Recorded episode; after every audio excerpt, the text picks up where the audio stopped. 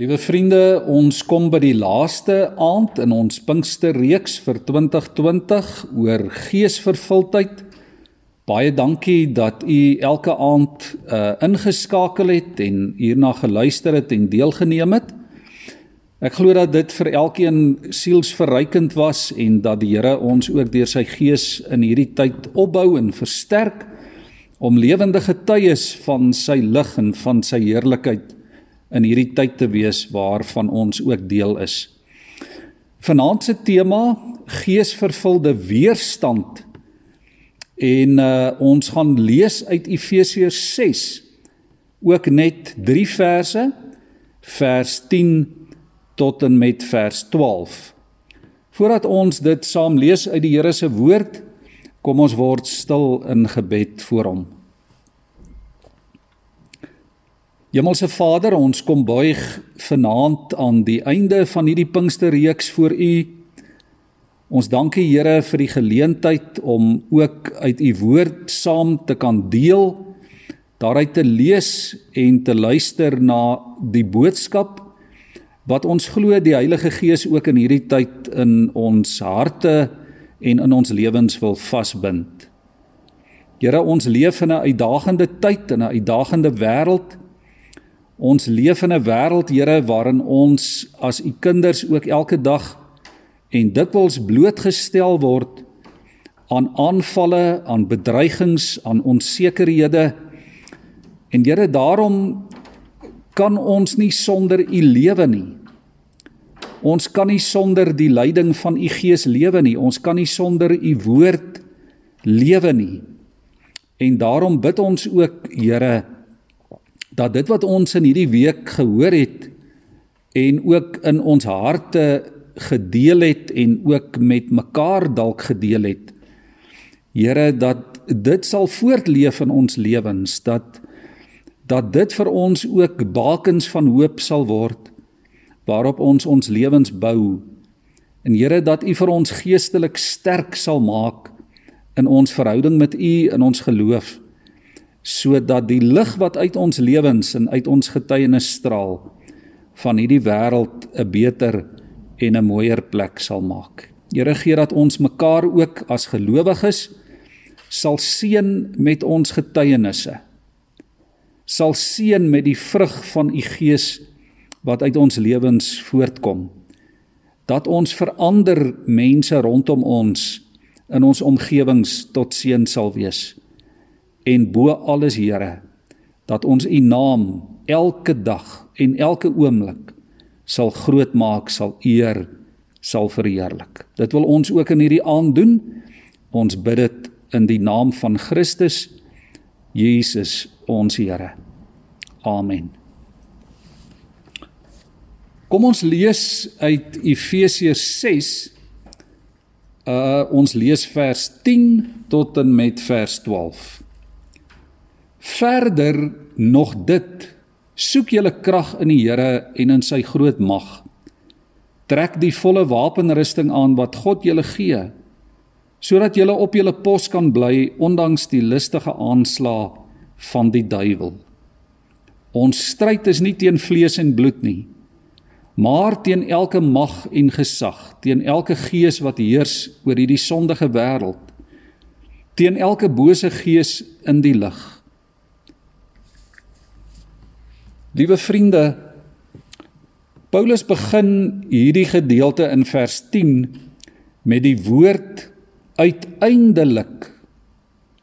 In werklikheid is dit 'n uitroep. Die uiteinde van alles, die slotsom van alles. Paulus daag sy lesers uit om te besef dat hulle in 'n geestelike oorlog gewikkel is. En in hierdie oorlog moet hulle in die regte posisie wees. Hulle moet die regte strategie volg.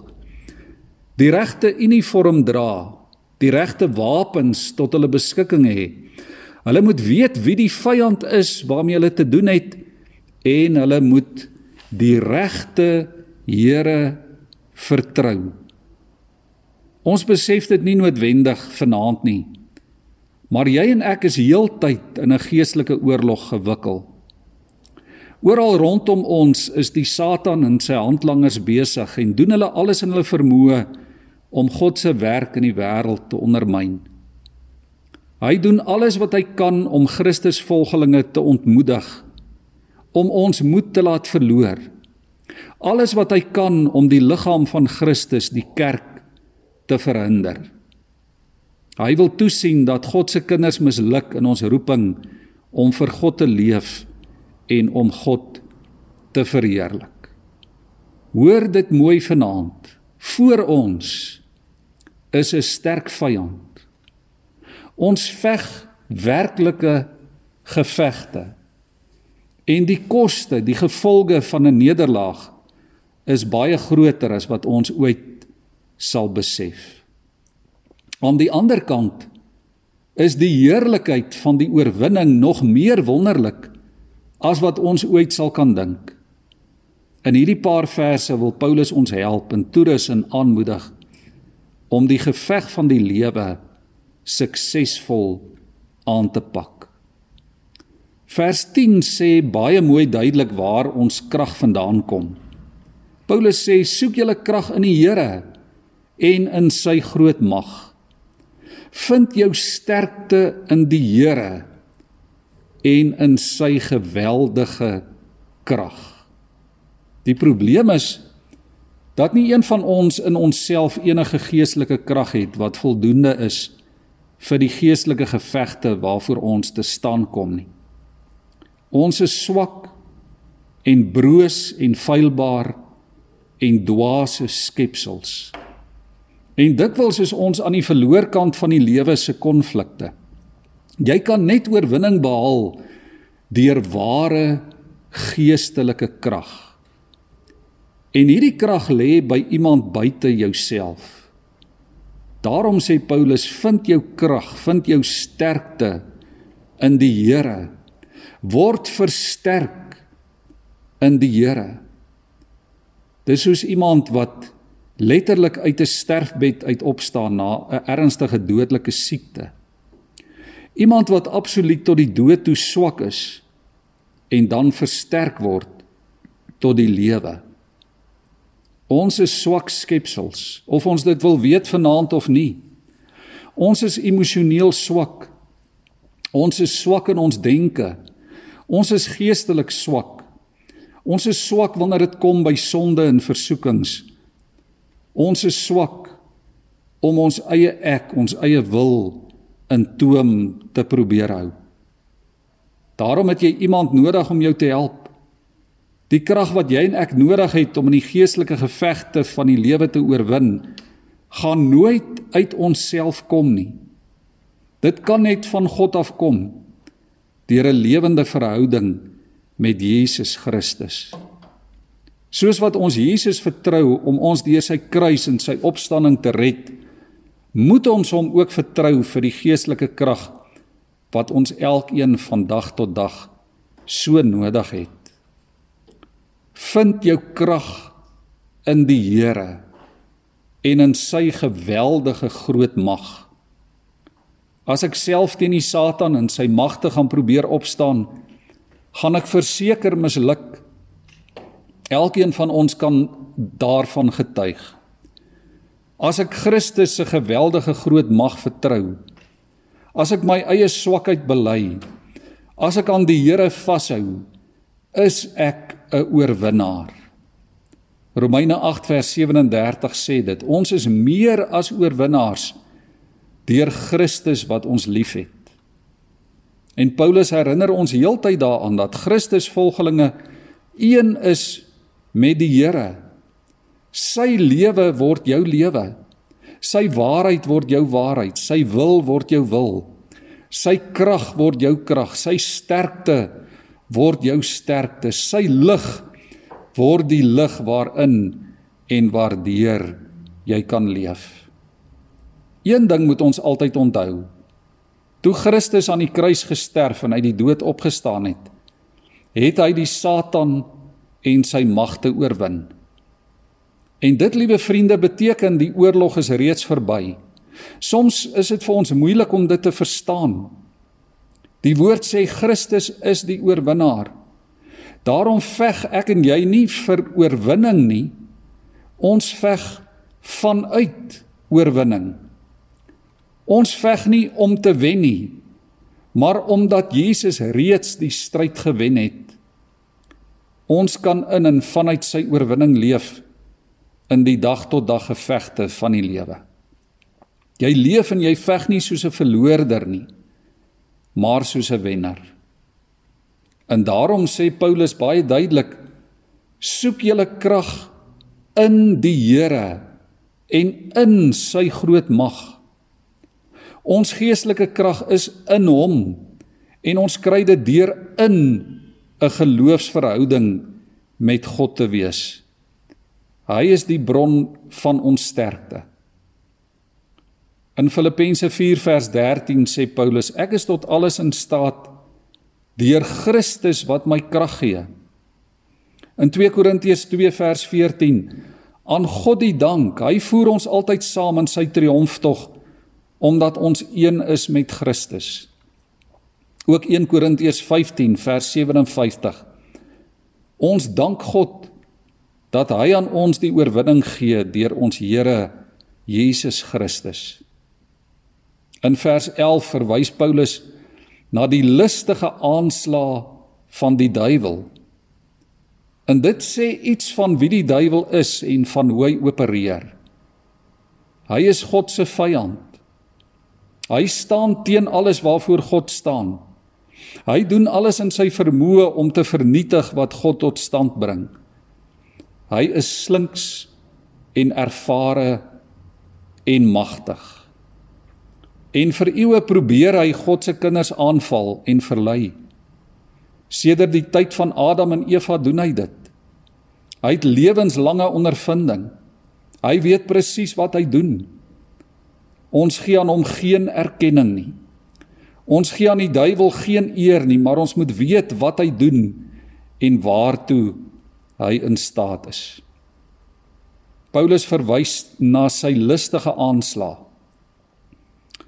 Paulus gebruik hier 'n Griekse woord, die woord methodos, waarvan ons metodes afgelei is. En dit is hoe die duiwel werk. Hy gebruik methodos. Hy gebruik skelm listige metodes, allerhande triks en skelmstreke en plannetjies en praatjies om God se kinders te verlei. Paulus sê hy is soos 'n luiperd soos 'n leeu wat sy prooi stadig en skelm bekruip en dan skielik toeslaan wanneer jy dit die minste verwag. En daarom trek die volle wapenrusting van God aan. Liewe vriende, God het 'n wapenrusting vanaand tot jou beskikking.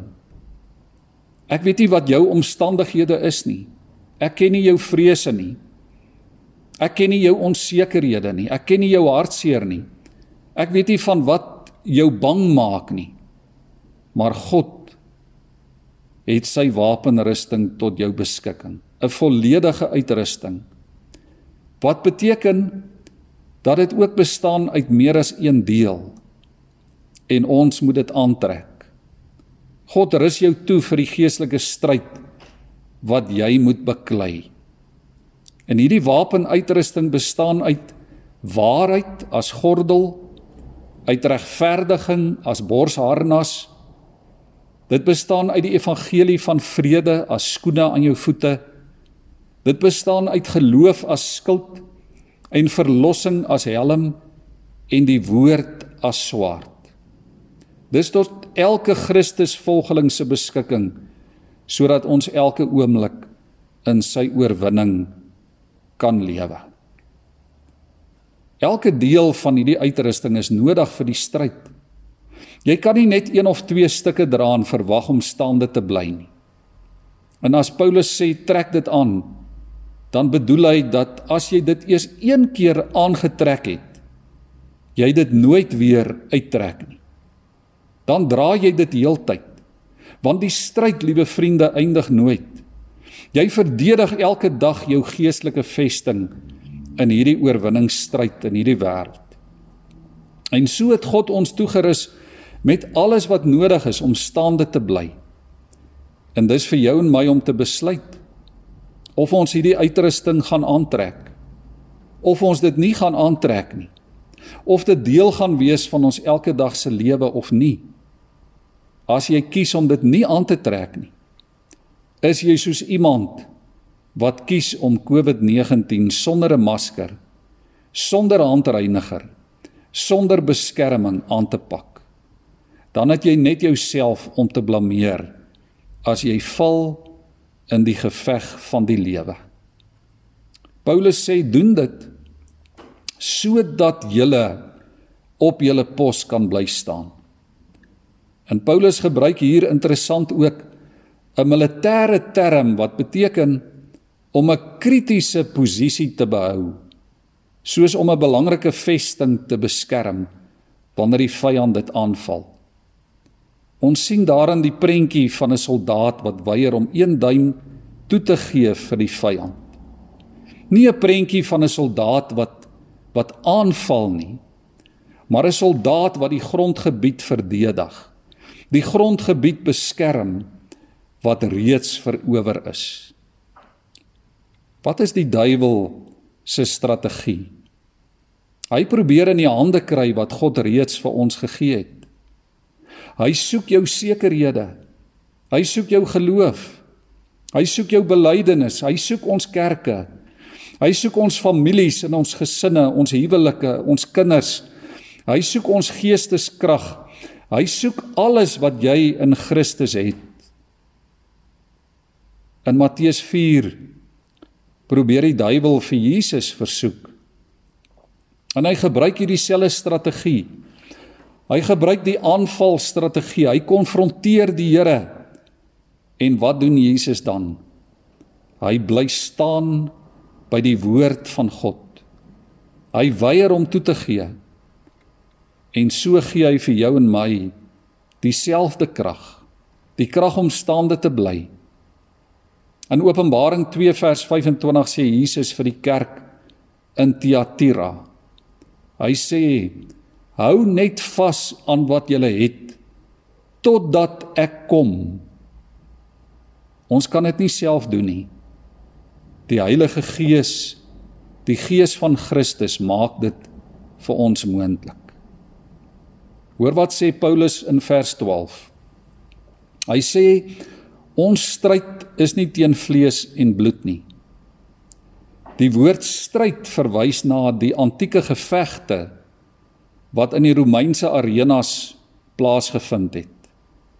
Wanneer twee teestanders mekaar so ontmoet het, het hulle nie meegeding vir 'n prys nie. Hulle het nie meegeding vir die toejuiging en die aanmoediging van die skares op die paviljoene nie. Dit was 'n bloedgeveg vir lewe en dood. So liewe vriende, is jy en ek letterlik in 'n geveg betrokke. Nie ter wille van die toejuiging en die aanmoediging van mense op die paviljoene van die lewe nie. Maar 'n geveg waarin die vyand alles in sy vermoë doen om jou te probeer vernietig. En daarin het jy die krag van God nodig om staande te bly. Hierdie vers sê ook vir ons duidelik wie die vyand nie is nie. En dit moet ons vanaand baie mooi hoor. Dit moet jy elke dag in jou lewe hoor en dit verstaan en dit onthou. Jou vyand is nooit 'n ander mens nie. Moet ek dit weer herhaal? Jou vyand is nooit 'n ander mens nie. Christene, Jesus volgelinge se vyand is nooit ander mense nie. Ja, mense maak ons seer. Mense lieg. Mense bedrieg mekaar. Mense kom jou dalk te na, maar dit maak nie van hulle die vyand nie. Dit is een van die grootste triks van die duiwel om jou te laat fokus op ander mense. Om dit wat ander mense doen of nie doen nie jou fokuspunt te maak. In die oomblik as jy hierdie lokaas van die duiwel vat, dan verloor jy jou fokus op die Here Jesus en op die wil van God dan fokus jy op dit wat ander mense sê en doen of dalk nie sê of doen nie. Hoe ander mense jou teleurstel, jou in die rug steek, jou bedreig en jou fokus is nie meer die woord van God en die beloftes van God nie. As ons met mekaar beklei, dan vat die duiwel wat hy wil hê. Omdat ons dan ons posisie prysgee om teen omstande te bly. As jy beklei, gee jy jou posisie van liefde en genade prys. Dan trek jy eintlik maar God se wapenrusting uit en jy tree op in die vlees. Dan maak jy staat op jou eie krag. Dan tree jy op asof die evangelie 'n leuen is. Dan verloor jy die heelpad en die Satan is die wenner. Wie is ons vyand, liewe vriende? Die duiwel en sy geestelike trawante. Nie ander mense nie. En hy doen alles wat hy kan om God se eer en God se koninkryk te ondermyn. Die woord sê Satan is die god van hierdie wêreld. Maar hy moet buig voor die almagtige God van die heelal. In 1 Johannes 4 vers 4 lees ons: Julle behoort aan God en het die valse profete klaar oorwin, omdat hy wat in julle is groter is as die duiwel wat in die wêreld is. In 2 Korintiërs 4 vers 4 Die ongelowiges se verstand is deur die god van hierdie wêreld verblind sodat hulle die lig van die evangelie nie kan sien nie. Ja, liewe vriende, Satan het 'n groot koninkryk. Maar die koninkryk van God is ewig. In die verhaal van die sondeval aan die begin van die Bybel sien ons wat die duiwel se strategie is. Hy probeer ons mislei oor die gevolge van sonde. Hy wil ons laat twyfel oor die woord van God. Hy mislei ons deur ons te laat wonder of God regtig goed is. Hy wil ons laat dink ons kan ons eie verlossing bewerk. 1 Petrus 5 vers 8 sê die vyand is slinks en slim en skelm en kragtig. Hy sal jou vernietig as hy die kans kry. Wat maak ons dan met so 'n vyand? Wees sterk in die Here. Wees sterk in die Here. Bid vir die vervulling van die Heilige Gees. Leef geesvervuld in die lig van God se woord. Leef geesvervuld in wysheid. Leef 'n geesvervulde lewe van oorgawe aan God. Bedryf 'n geesvervulde aanbidding en geesvervulde lof.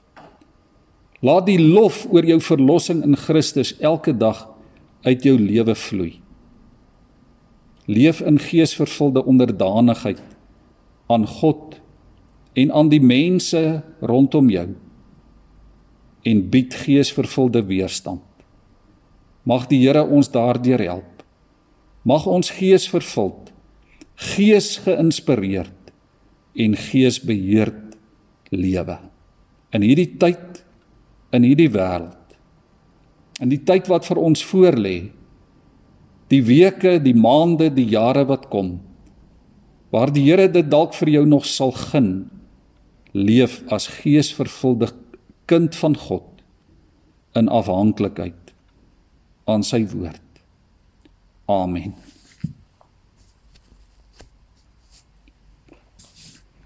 Liewe vriende, ons gee geleentheid om ook 'n bietjie te dink en te gesels dalk vir oulaas oor 'n paar gedagtes. Kom ons dink oor moontlike geestelike bedreigings in ons lewens of in ons omgewing. Praat met mekaar ook oor hoe jy hierteen gaan weerstand bied en daarteen gaan opstaan. Dink ook oor God se krag en die almag van God en wat dit vir jou persoonlik beteken. En dan gee ons vanaand ook weer geleentheid vir gebed persoonlik of in die groep. En kom ons bid in die besonder vir geestelike herlewing en vervulling in die harte en in die lewens van mede Christus volgelinge.